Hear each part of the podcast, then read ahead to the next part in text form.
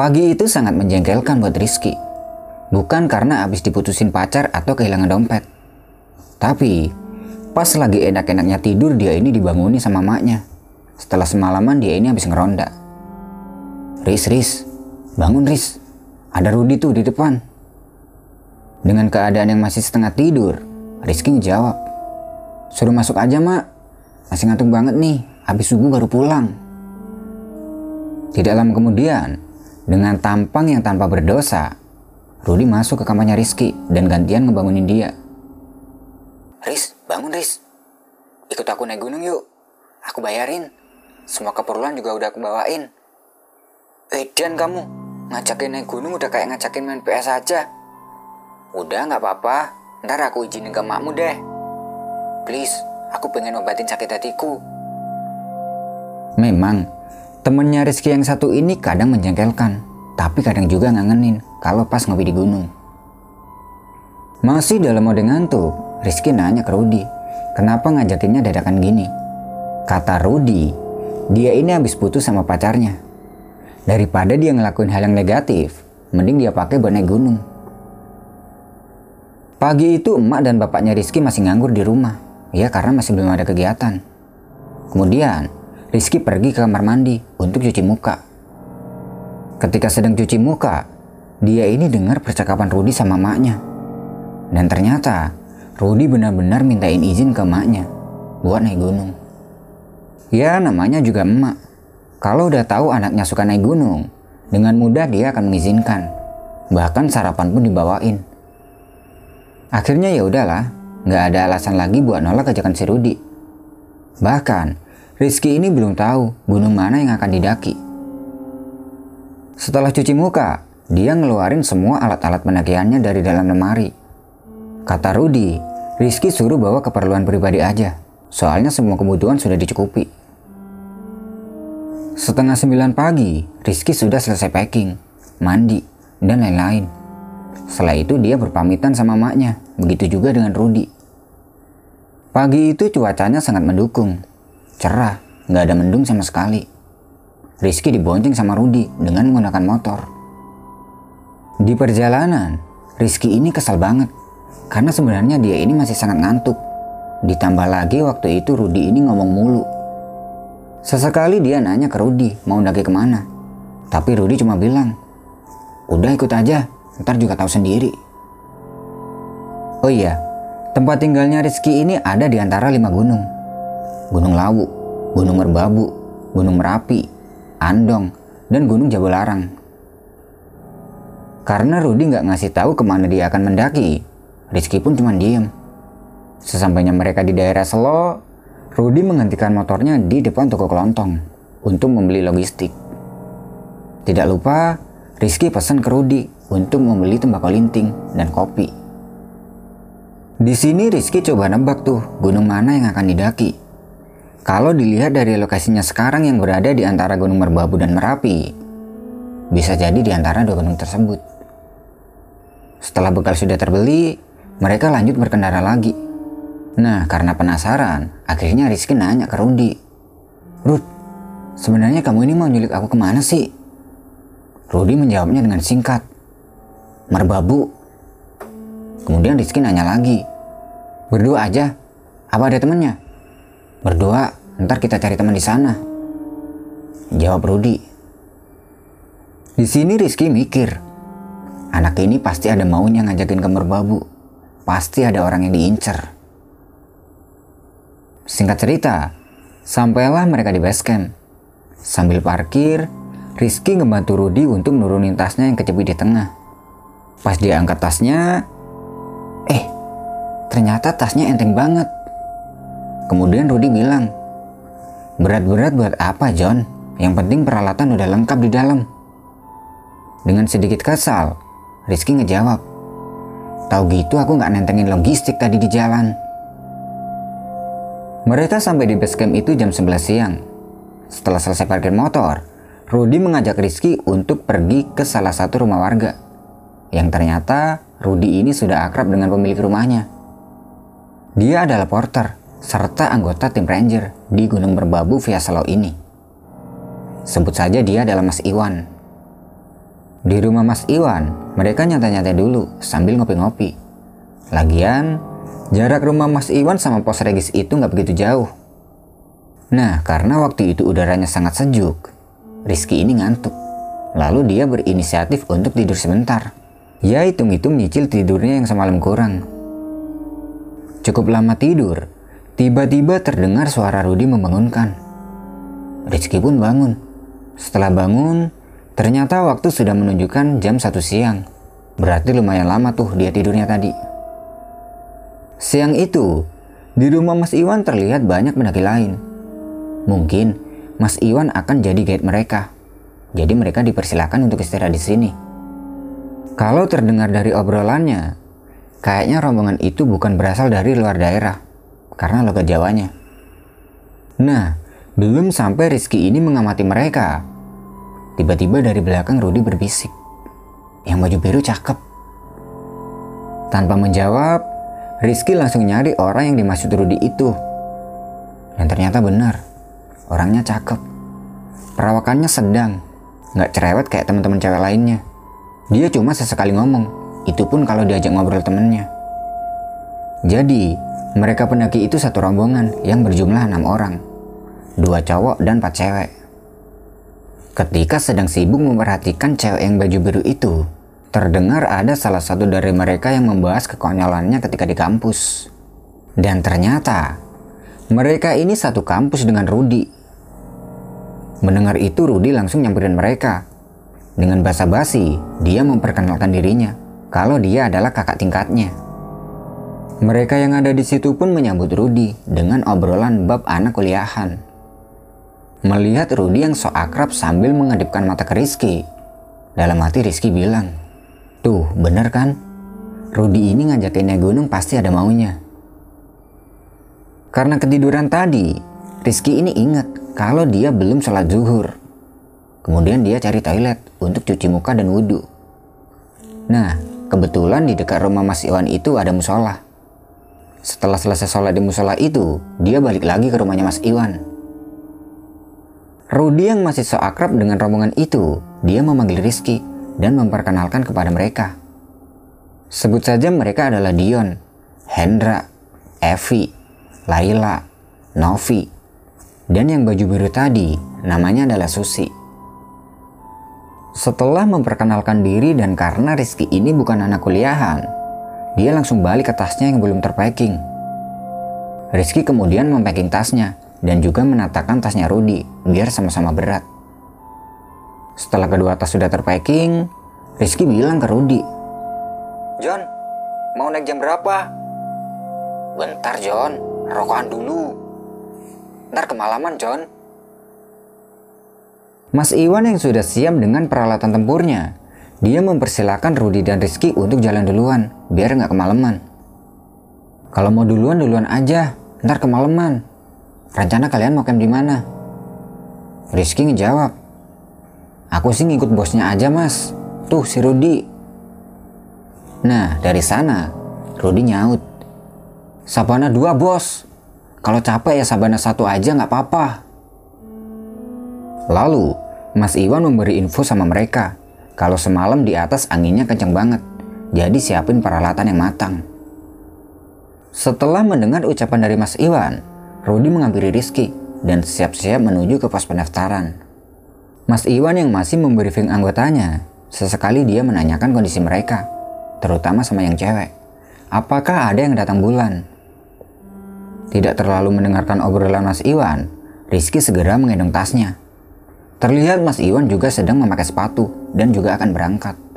Sebelum berangkat Mas Iwan sempat bilang, kalau nanti ketemu di jalur, tolong bantu dampingi rombongannya. Rudi dan Rizky kemudian menuju ke pos pendaftaran untuk meminta izin pendakian. Setelah mengurus izin, petugas pos berpesan sama mereka untuk berhati-hati karena di atas sering ada kabut tebal yang mengganggu pendaki. Setelah memahami pesan dari petugas, Pendakian pun dimulai tepat pukul 3 sore. Di awal-awal perjalanan, Rudi nanya ke Rizky. Tadi rombongan Mas Iwan belum berangkat ya, John? Belum, masih prepare. Kalau gitu jalannya pelan-pelan aja, ntar gabung sama mereka. hitung-hitung buat nama teman. Mau nama teman apa ngincar Susi? Ya, kalau bisa sih dua-duanya, John. Di perjalanan, mereka ngobrol. Rizky tanya ke Rudy, kenapa bisa dia ini putus sama pacarnya? Kata Rudy, masalahnya itu sepele.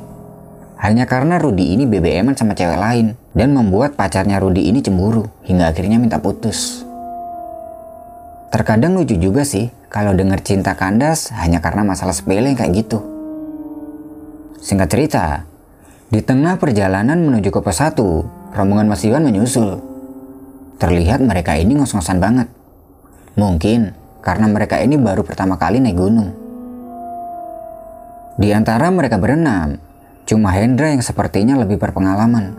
Karena kalau dilihat dari cara berpakaiannya, sepertinya dia ini anggota Mapala di kampusnya. Dari sini, akhirnya mereka jalan bareng dengan rombongannya Mas Iwan. Mereka berjalan dengan posisi Hendra di paling depan dan Mas Iwan di paling belakang. Sedangkan Rizky ada di depannya Mas Iwan. Nah, selama perjalanan itu, Rudi ini mepet terus ke Susi sambil caper-caper gitu. Tidak lama kemudian, mereka sampai di pos 1. Sesampai di pos 1 itu, Rizky mengambil matrasnya untuk menunaikan sholat. Setelah selesai sholat, dia gabung lagi sama teman-temannya. Ketika bergabung itu, terlihat Rudy ini masih dengan aksinya PDKT sama Susi. Dia tanya ke Susi. Kamu capek, Sus? Iya, Mas. Berat. Pelan-pelan aja jalannya. Nikmati. Sini tasmu aku bawain. Mendengar itu Rizky nyaut. Tuh mbak, ada porter dadakan. Udah sikat. Biasalah, namanya juga usaha. Yang penting niatnya baik. 10 menit kemudian, mereka melanjutkan perjalanan lagi. Belum lama berjalan, tiba-tiba dari depan Hendra teriak. Kabut, kabutnya tebel banget. Dari belakang Mas Iwan nyaut. Iya, lihat jalan yang diinjek ya. Rizky cuma diem sambil jalan. Dan sekarang, posisinya Rudi itu ada di depan Rizky. Dan Susi ada di depannya Rudi. Terdengar, nafasnya Rudi ini ngos-ngosan karena dia bawa dua tas sekaligus. Tapi perjuangan Rudi ini bisa diacungi jempol. Perjalanan terus berlanjut. Karena semakin lama kabut ini semakin tebal, Mas Iwan mengajak mereka semua untuk break. Ketika sedang break itu, Rudi masih dengan aksinya PDKT sama Susi. Sesekali dia ini ngobalin si Susi. Nah, ketika sedang break itu, Rizky ini merasa kurang nyaman dengan tempat yang ia tempati. Kemudian Rizky pamit untuk jalan sedikit ke atas. Mas, aku duluan ya nunggu di atas. Jangan jauh-jauh, John. Enggak, cuma ke atas itu doang buat terbahan. Lalu Mas Iwan nyaut. Tunggu di pos 2 aja sekalian, ntar kami nyusul. Yang dikatakan Mas Iwan itu masuk akal juga. Daripada nungguin mereka break, lebih baik Rizky jalan pelan-pelan. Setelah berpamitan, Rizky jalan duluan tuh, ditemani kabut yang cukup tebal. Hingga lama-kelamaan, suara teman-temannya yang di bawah itu sudah nggak kedengaran lagi. Melihat kondisi jalur yang sepi dan berkabut ini, Rizky gugup. Dia berharap satu, semoga dia ini tidak ditampaki sosok poci. Karena menurut Rizky, sosok yang satu itu serem banget kalau sampai dia menampakkan diri. Pelan-pelan, dia lanjut jalan. Lalu, dari atas terdengar suara langkah kaki pendaki yang akan turun. Mendengar itu Rizky berhenti untuk menunggu suara langkah kaki itu. Tapi, setelah lama menunggu, ternyata tidak ada satupun pendaki yang terlihat turun. Karena tidak ada pendaki yang turun, dia lanjut jalan lagi. Lalu, tiba-tiba Rizky ini merasa ada yang aneh di dalam tubuhnya. Tas carrier yang tadinya berat, sekarang tiba-tiba menjadi ringan. Hawa dingin pun sudah tidak dia rasakan. Sambil jalan itu, dia ngeliatin jam yang sudah menunjukkan pukul setengah enam sore. Tapi belum begitu gelap. Dan sesekali, dia ini nengok ke belakang. Dan terlihat rombongan Rudi belum juga nyusul. Nah, di sini Rizky ragu antara break nunggu mereka atau lanjut jalan. Dan akhirnya, dia memutuskan untuk break dan duduk di samping jalur, tepatnya di bawah pohon besar.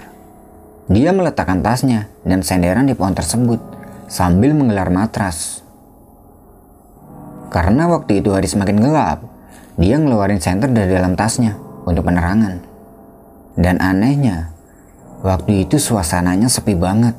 Bahkan suara hewan pun gak ada.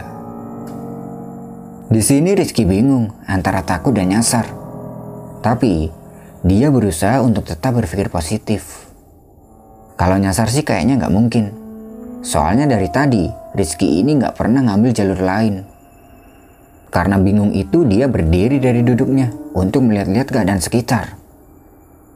Dan di depan, terlihat seperti ada bangunan shelter. Melihat bangunan itu Rizky mikir, sejak kapan sebelum pos 2 ini ada bangunan shelter? Tapi nggak tahu juga sih, mungkin bangunan shelter itu baru. Karena terakhir kali Rizky ke sini, itu enam bulan yang lalu. Kemudian Rizky lanjut berjalan menuju ke shelter tersebut. Sampai di situ, ternyata itu bukan shelter, melainkan sebuah warung sederhana. Warung itu beratap dedaunan kering dan dindingnya terbuat dari bambu. Sesampai di warung itu, penjualnya menawari Rizky istirahat. Mampir dulu mas, monggo makan. Iya mbok, terima kasih. Saya numpang duduk ya, sekalian nunggu teman di bawah. Monggo, silakan. Sebelum duduk, dia ini perang pertanyaan. Sejak kapan di sini ada warung? Bukannya kalau di Taman Nasional itu nggak boleh ada warung ya? Alasannya sih sederhana, yaitu untuk menjaga lingkungan agar tetap bersih dari sampah. Kemudian Rizky menaruh tasnya dan duduk di depan warung itu. Jarak antara tas dan tempat duduknya Rizky ini kurang lebih 10 meter. Karena waktu itu sangat berkabut, jarak pandang pun terbatas. Simbo yang duduk di dalam warung itu sesekali menata dagangannya di dalam piring yang terbuat dari tanah liat dan dilapisi daun pisang. Di dalam warung itu juga ada buah pisang yang digantung dan lampu dari api sederhana untuk penerangan. Di sini, Rizky masih mengawasi keadaan sekitar dan tidak ada rasa takut sama sekali. Justru dia ini bingung. Lalu, Rizky bertanya sama Simbo. Mbok, udah lama dagang di sini? Udah mas, udah bertahun-tahun saya di sini. Mendengar itu Rizky semakin bingung. Perasaan enam bulan yang lalu pas aku ke sini nggak ada warung ini. Tapi kok Simbo bilang udah lama. Pikirannya Rizky semakin bertanya-tanya. Tapi, sekali lagi dia berpikir positif. Mungkin, enam bulan yang lalu Rizky nggak ngelewatin jalan ini. Karena di situ kan ada banyak tuh percabangan jalan. Dan mungkin waktu itu Rizky lewat jalan percabangan lain dan ngelewatin warung ini. Lalu, Simbo menawari Rizky lagi. Kalau lapar makan dulu, aku masak sayur lodeh. Karena memang Rizky ini gak lapar, dia nolak dengan sopan. Iya mbok, makasih. Saya belum lapar. Logistik juga masih banyak di tas. Baru aja ngejawab tawaran Simbo. Dari atas terlihat ada bapak-bapak yang sedang turun. Dia masuk ke dalam warungnya Simbo. Kalau dilihat dari pakaiannya, kayaknya bapak ini bukan pendaki, tapi warga sekitar yang habis cari rumput. Tanpa menyapa Rizky, bapak itu langsung masuk ke dalam warung dan memesan makanan sama Simbo. Kemudian, Rizky coba tanya sama bapak-bapak itu. Maaf pak, mau tanya, pos 2 masih jauh nggak? Jauh? Kamu sama siapa? Sama teman pak, tapi masih di belakang. Oh, begitu. Ayo makan dulu. Apa kamu gak lapar? Udah pak, makasih. Bapak itu makan dengan lahap dan Simbo cuma ngeliatin bapak itu makan. Rizky yang duduk di kursi depan warung, dia masih nungguin si Rudi. Suasana di sekitar warung itu benar-benar sepi dan gelap. Tidak lama kemudian, jam tangannya Rizky berbunyi, menunjukkan kalau sudah masuk waktu maghrib. Rizky berniat untuk kembali ke tasnya untuk sholat maghrib. Nah, Karena dia ini nggak tahu arah kiblat, dia tanya sama Simbo. Bo, maaf, arah kiblat di mana ya? Sana. Ucap Simbo sambil menunjuk arah kiblat. Oh iya, makasih. Saya pamit dulu ya, Mbok, mau sholat. Simbo hanya mengangguk dan masih menghadap ke arah bapak-bapak itu yang sedang makan. Kemudian Rizky balik ke tasnya. Dan di belakang pohon, terlihat ada tanah yang cukup datar. Rizky pun berniat untuk sholat di tempat itu. Sebatang kayu ranting dia singkirkan dan disandarkan di sebelah pohon. Kemudian dia tayamum dan sholat. Nah, ketika sedang sholat, Rizky ini merasa ada yang menepuk pundaknya. Rizky mikirnya, mungkin ada orang lain yang ikut sholat. Mungkin Rudi dan rombongannya sudah sampai. Karena setahu Rizky, kalau kita lagi sholat terus ada yang menepuk pundak kita, itu pertanda ada orang yang menjadi makmum. Dan kita sebagai imam harus membesarkan baca doa. Dia membaca Al-Fatihah dengan nada keras tuh. Tapi kok nggak ada yang bilang amin. Setelah selesai sholat, dia menyempatkan untuk berdoa sebentar, meminta keselamatan sama yang maha kuasa. Setelah selesai berdoa, dia langsung nengok tuh ke belakang. Dan di belakangnya itu kosong. Hanya ada pohon besar dan tasnya. Dalam hati Rizky bertanya-tanya tuh. Loh, orang yang jadi makmum tadi ke mana? Kok cepat banget perginya? Tapi ya udahlah, Mungkin tadi itu pendaki yang turun dan dia udah lanjut jalan. Lagian, tadi Rizky kan sempat zikir tuh. Setelah sholat itu Rizky berniat untuk lanjut berjalan. Sebelum lanjut jalan, dia mengarahkan senternya ke bawah. Tapi rombongan Rudi masih belum juga terlihat. Karena rombongan Rudi masih belum terlihat, akhirnya ya udahlah, bismillah. Dia mendatangi warungnya Simbo untuk berpamitan. Pak, Bo, saya pamit duluan ya. Iya. Jawab bapak yang ada di warung itu, yang masih makan. Yaudah, terima kasih. Mari duluan. Berjalan santai. Ketika sedang berjalan, terdengar dari kiri dan kanan jalur ini seperti ada suara orang yang beraktivitas. Seperti ada orang yang menebas sabit ke bawah.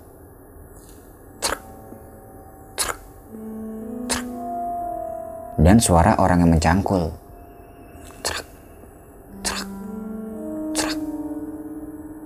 Tapi Rizky nggak begitu nanggepin karena memang dia nggak ngelihat. Singkat cerita, beberapa tanjakan dan turunan sudah dia lewati, tapi dia belum juga sampai di pos 2. Ketika melewati sebuah pohon, tiba-tiba Rizky ini mendengar ada suara geraman dari atas.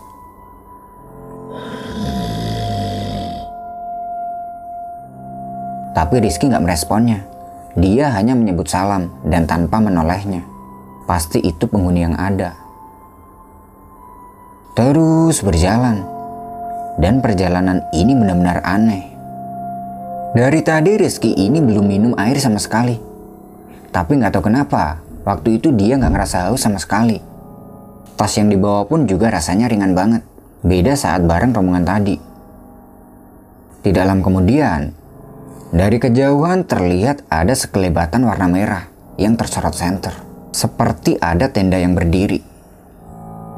Rizky berpikir, mungkin itu adalah pos 2. Dia segera menuju ke tenda tersebut. Sesampainya di sana, ternyata itu bukan pos 2. Karena nggak ada papan yang menunjukkan kalau itu adalah pos 2. Tenda dan peralatan tercecer di depan pintu. Kayaknya di dalam tenda ini ada orangnya. Mungkin pendaki yang sedang camp karena kecapean. Kemudian Rizky memanggil orang yang ada di dalam tenda itu. Mas, Mbak, permisi. Kemudian, seret, keluar seorang cowok berambut ikal dengan pakaian pendaki. Rizky nanya sama cowok itu. Mas, mau nanya, Pos 2 masih jauh nggak? Dia jawab, Masnya sama siapa? Rizky pun menjawabnya, Saya sendiri, tapi rombongan saya ada di belakang. Orang itu melihat dari ujung kaki sampai ujung kepalanya Rizky. Kemudian dia bilang, Jalan terus aja mas, dan jangan nengok ke belakang. Nanti ketemu kok. Oh ya udah mas, makasih. Saya duluan ya. Iya, hati-hati. Ingat, jangan nengok ke belakang. Setelah berjalan meninggalkan masnya tadi, Rizky ini baru ngeh. Di dalam tenda, masnya itu memakai sepatu dan berpakaian pendaki yang kotor. Dan alat-alat yang tercecer di depan pintu itu seperti peralatan pendaki lawas. Tapi Rizky lupa nanyain namanya. Mungkin emasnya tadi adalah pendaki senior karena terlihat dari kompor buaya dan parafin yang dia pakai. Alat-alat tersebut dulunya dipakai pendaki di era sebelum adanya kompor portable. Rizky mikirnya, mungkin aja dia emang sengaja pakai alat-alat itu buat pendakian. Sebenarnya waktu itu Rizky ini pengen nengok ke belakang, tapi mengingat masnya tadi bilang kalau jangan nengok ke belakang, akhirnya ya udahlah, dia jalan pelan-pelan menuju ke pos 2. Tidak lama kemudian, terdengar suara obrolan dari atas dan lampu yang menyorot secara bergantian. Dalam hati Rizky bilang, semoga aja itu pos 2 dan aku bisa istirahat. Nah, nggak tahu kenapa nih ya. Setelah berjalan meninggalkan masnya tadi, badan Rizky ini rasanya capek banget. Tasnya juga tiba-tiba jadi sangat berat. Tenggorokannya kering, udara juga menjadi dingin. Beda banget dengan suasana sebelumnya. Sesekali dia berhenti untuk mengatur nafas dan minum. Sampai akhirnya, dia kenal dengan suara orang yang mengobrol itu. Dia adalah Rudy. Sesampai di sini, Rizky merasa sangat lega. Dan tempat bertemunya Rizky dengan rombongannya itu ternyata di pos 3. Sesampainya di situ, salah seorang yang bernama Dion, dia bertanya pada Rizky. Loh, mas, kok dari bawah? Hendra menyahut. Iya, bukannya tadi kamu udah duluan? Mereka menyambut Rizky dengan bingung. Rizky tidak mau membingungkan mereka. Dia jawab, Iya mas, tadi aku sempat pup dulu di bawah. Si Rudi nyaut, Pup di mana emang nyaris? Tadi nggak lama setelah kamu jalan kita juga jalan kok. Rizky cuma jawab, itu di bawah pokoknya. Mas Iwan yang sedang memasak air, dia langsung memberi Rizky kopi panas. Nih, ngopi dulu. Iya mas, makasih. Matrasnya jangan digulung dulu ya, aku mau sholat. Jawab Rizky. Setelah minum kopi sedikit, Rizky langsung sholat isya. Iya karena waktu itu sudah menunjukkan jam 8 malam. Di dalam sujudnya, dia mencurahkan semua pertanyaan yang sudah dia alami. Sambil dalam hati dia bilang, Apa aku tadi nyasar? Apa aku masuk ke dunia lain? Tidak lupa Rizky bersyukur karena masih diberi perlindungan. Setelah sholat, dia langsung makan makanan yang sudah matang. Terlihat, Mas Iwan menaruh curiga sama Rizky. Sesekali dia ini ngelirik Rizky, tapi Rizky mengabaikannya. Di sisi lain, Rudy ini masih berusaha PDKT sama Susi di belakang. Setelah selesai makan, Rizky minta tolong sama rombongan lainnya untuk bergantian membawa tasnya. Karena waktu itu Rizky ini merasa benar-benar capek, ditambah lagi pundaknya merasa sakit. Setelah cukup beristirahat di pos 3, mereka lanjut berjalan lagi. Dan kali ini, tasnya Rizky digendong Doni. Begitu juga sebaliknya. Nah, Rizky yang waktu itu berjalan di depan Mas Iwan. Tiba-tiba dari belakang Mas Iwan ini bilang, mampir ke kampung ya? Rizky cuma ngangguk dan senyum. Perjalanan menuju ke Sabana 2 ini tidak ada halangan apa pun. Sesampainya di Sabana 2, Mas Iwan mencarikan tempat buat ngecamp. Setelah nemu, mereka mendirikan tendanya di situ. Mereka mendirikan tenda bersebelahan dengan pendaki lain. Setelah tenda sudah didirikan, Rizky ini ngopi di depan tenda sambil dia ini memikirkan kejadian yang baru saja dia alami. Ketika sedang memikirkan itu, dari belakang Rudi nyamperin. Dia tanya ke Rizky. Seakan-akan Rudi ini paham kalau Rizky ini sedang bingung. Kamu kenapa John? Kok berubah gini? Rizky kemudian noleh ke kanan kiri untuk memastikan anak-anak yang lain tidak ada di luar tenda. Kemudian, dia menceritakan semuanya kepada Rudi secara rinci. Mendengar cerita dari Rizky, Rudi memegang pundaknya Rizky sambil bilang, Hebat kamu Jan, masih bisa nggak panik dalam situasi seperti itu. Tanpa disadari, Mas Iwan mendengar obrolan mereka. Dia nyaut dari dalam tenda. Untung kamu gak makan. Kalau kamu makan mungkin kamu sekarang jadi warga situ.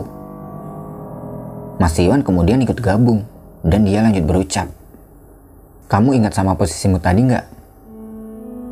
Rizky menjawab, Iya mas, ingat. Aku nyandarin kayu di pohon pas aku mau sholat maghrib. Lalu Mas Iwan menjawab, Besok kalau turun lihat batang kayu itu di mana. Dan di situlah tempat kamu tadi sore. Kali ini mereka ngopi di depan tenda, dan Mas Iwan bercerita banyak, termasuk pendaki lawas itu. Kata Mas Iwan, bisa aja tadi itu pendaki yang udah meninggal, dan korinya tinggal di Gunung Merbabu. Rizky berpikir, bisa jadi tadi Rizky ini berjalan merayap di jurang. Makanya pendaki lawas itu melarang Rizky untuk menengok ke belakang. Malam itu Mas Iwan membagikan banyak kisah tentang Gunung Merbabu pada Rizky dan Rudi. Karena malam semakin larut, mereka masuk ke dalam tendanya masing-masing untuk tidur. Di dalam tenda, Rizky menanyakan tentang PDKT Rudi sama Susi. Menurut Rudi, kayaknya Susi juga respect. Jadi malam itu Rudi ini kelihatan senang banget karena dia bisa dekat sama Susi. Dan lama-kelamaan mereka pun tertidur. Ketika sedang tidur, seperti ada suara yang membuka pintu tenda. Dan terdengar suara yang memanggil Rizky. Mas, Mas. Rizky menjawab, Iya. Ternyata itu adalah pendaki lawas, lengkap dengan pakaian dan peralatan campingnya. Dia sedang duduk di depan tenda dan minta kopi. Maaf ganggu, bisa minta air panas dan kopinya nggak? Tanpa keberatan, Rizky langsung memberikan kompor dan nestingnya yang sudah berisi air pada pendaki itu. Sambil menunggu air yang belum mendidih, mereka berdua ngobrol di teras tenda. Dan ternyata, pendaki itu asik juga kalau diajak ngobrol. Setelah kopi sudah matang, mereka lanjut ngopi sambil ngerokok. Di dalam kemudian, Jam tangannya Rizky berbunyi, menandakan sudah masuk waktu subuh. Pendaki itu segera menghabiskan kopinya dan pamit. Udah subuh, aku pamit duluan ya. Gak bareng kita aja mas. Kami juga mau samit kok abis subuh. Nggak usah, salam buat Iwan dan teman lain. Sebelum pergi, pendaki itu memberitahu namanya. Aku Chandra, tolong temui aku di alamat sekian sekian sekian. Setelah itu, tit, tit, tit, suara alarm berbunyi lagi dan Rizky bangun. Ternyata tadi itu hanya mimpi. Setelah bangun itu Rizky masih ingat betul dengan nama pendaki itu. Begitupun alamat yang diberikannya. Biar nggak lupa, Rizky mencatat alamat itu di dalam HP-nya. Setelah itu, Rizky beranjak keluar untuk melaksanakan sholat subuh. Setelah selesai sholat subuh, terlihat rombongannya Susi sedang sibuk masak air dan membagikan logistik. Singkat cerita, perjalanan summit ke puncak tidak ada halangan apa pun. Sesampai di puncak Kenteng Songo, mereka menikmati pemandangan sunrise yang luar biasa indah. Di puncak, Rudi menggunakan kesempatan ini untuk berfoto dengan Susi dan rombongan lainnya. Setelah cukup dengan semua itu, Mas Iwan mengajak mereka untuk pergi ke puncak triangulasi. Tidak lama di sana, mereka kembali turun dan sampai di tenda kurang lebih jam 10 pagi. Sesampai di tenda, Mas Iwan mengajak mereka untuk turun jam 12 siang. Jadi siang itu mereka masih ada waktu untuk menikmati sabana. Singkat cerita, setelah zuhur mereka berkemas dan berjalan kembali turun. Selama perjalanan turun, Rudy masih telaten menuntun Susi. Sampai-sampai temannya Susi ini iri liatnya. Mas Iwan yang berada di paling belakang, dia bilang ke Rizky. Nanti ingat-ingat kayu yang semalam kamu ceritain. Rizky hanya mengangguk. Singkat cerita, sampailah mereka kembali di pos 2. Sesampai di situ mereka istirahat sebentar dan Rizky salat asar. Setelah selesai sholat, Rizky jalan keliling pos 2 dengan alasan pengen melihat kera yang bergelantungan. Dia lirak-lirik tuh untuk mencari kayu yang kemarin dia sandarkan di pohon. Dan kayu itu posisinya ada di lereng jurang. Masih seperti posisi kemarin. Melihat keberadaan kayu itu, Rizky memanggil Mas Iwan. Mas Iwan, Mas, sini mas. Mas Iwan yang sudah paham dengan maksudnya Rizky, dia jawab, Iya, ada kera kawin ya. Setelah mendekat, Rizky menunjukkan keberadaan kayu itu sama Mas Iwan. Dan Mas Iwan mengelus pundaknya Rizky sambil dia berbisik. Untung kamu gak makan. Kalau kamu makan, mungkin kami tim ranger akan turun ke jurang itu untuk mencari jasadmu. Letak kayu itu cukup sulit untuk dijangkau manusia karena sangat curam. Melihat semua ini, Rizky langsung menyebut nama Tuhan dan mengucapkan Alhamdulillah karena dia masih diberi keselamatan. Tidak lama beristirahat di pos 2, mereka kembali turun ke rumahnya Mas Iwan Sesampai di rumahnya Mas Iwan, Rizky menceritakan sama Mas Iwan tentang pendaki yang bernama Chandra itu. Mendengar cerita dari Rizky, Mas Iwan mengira-ngira kalau yang bernama Chandra itu dulunya adalah pendaki yang sudah tewas terpeleset ke dalam jurang. Dan Mas Iwan adalah salah satu tim penyelamat yang membantu mengangkat jenazahnya. Sore itu Rizky mengajak Rudy untuk segera pulang tapi waktu itu Rudy ini masih sibuk bercanda dengan Susi. Kemudian, Rudy meminta pin BB-nya Susi dengan alasan mau minta foto pas di puncak tadi. Setelah itu, Rudy dan Rizky berpamitan sama Mas Iwan dan mengucapkan terima kasih. Tidak lupa juga mereka berpamitan sama rombongan itu. Selama perjalanan pulang, Rudy menceritakan tentang PDKT-nya itu pada Rizky. Dan di sela-sela Rudy bercerita, Rizky meminta Rudi untuk pergi ke alamat yang pernah diberikan Mas Chandra. Kurang lebih satu jam perjalanan, sampailah mereka di alamat tersebut. Ternyata, alamat itu bukan rumah, melainkan sebuah pemakaman. Gak pakai lama, Rizky langsung mencari nama yang pernah disebutkan Mas Chandra itu. Setelah dicari-cari, akhirnya ketemu. Di situ tertulis nama Chandra di batu nisan. Melihat itu Rizky langsung duduk dan mengirimkan doa kepada Mas Chandra. Semoga dia tenang di alam sana. Setelah selesai berziarah, mereka lanjut pulang ke rumah. Nah, belum sampai di rumah, Rudi membelokkan motornya ke warung angkringan untuk makan. Dan ketika di warung itu, wajahnya Rudi tiba-tiba kusut.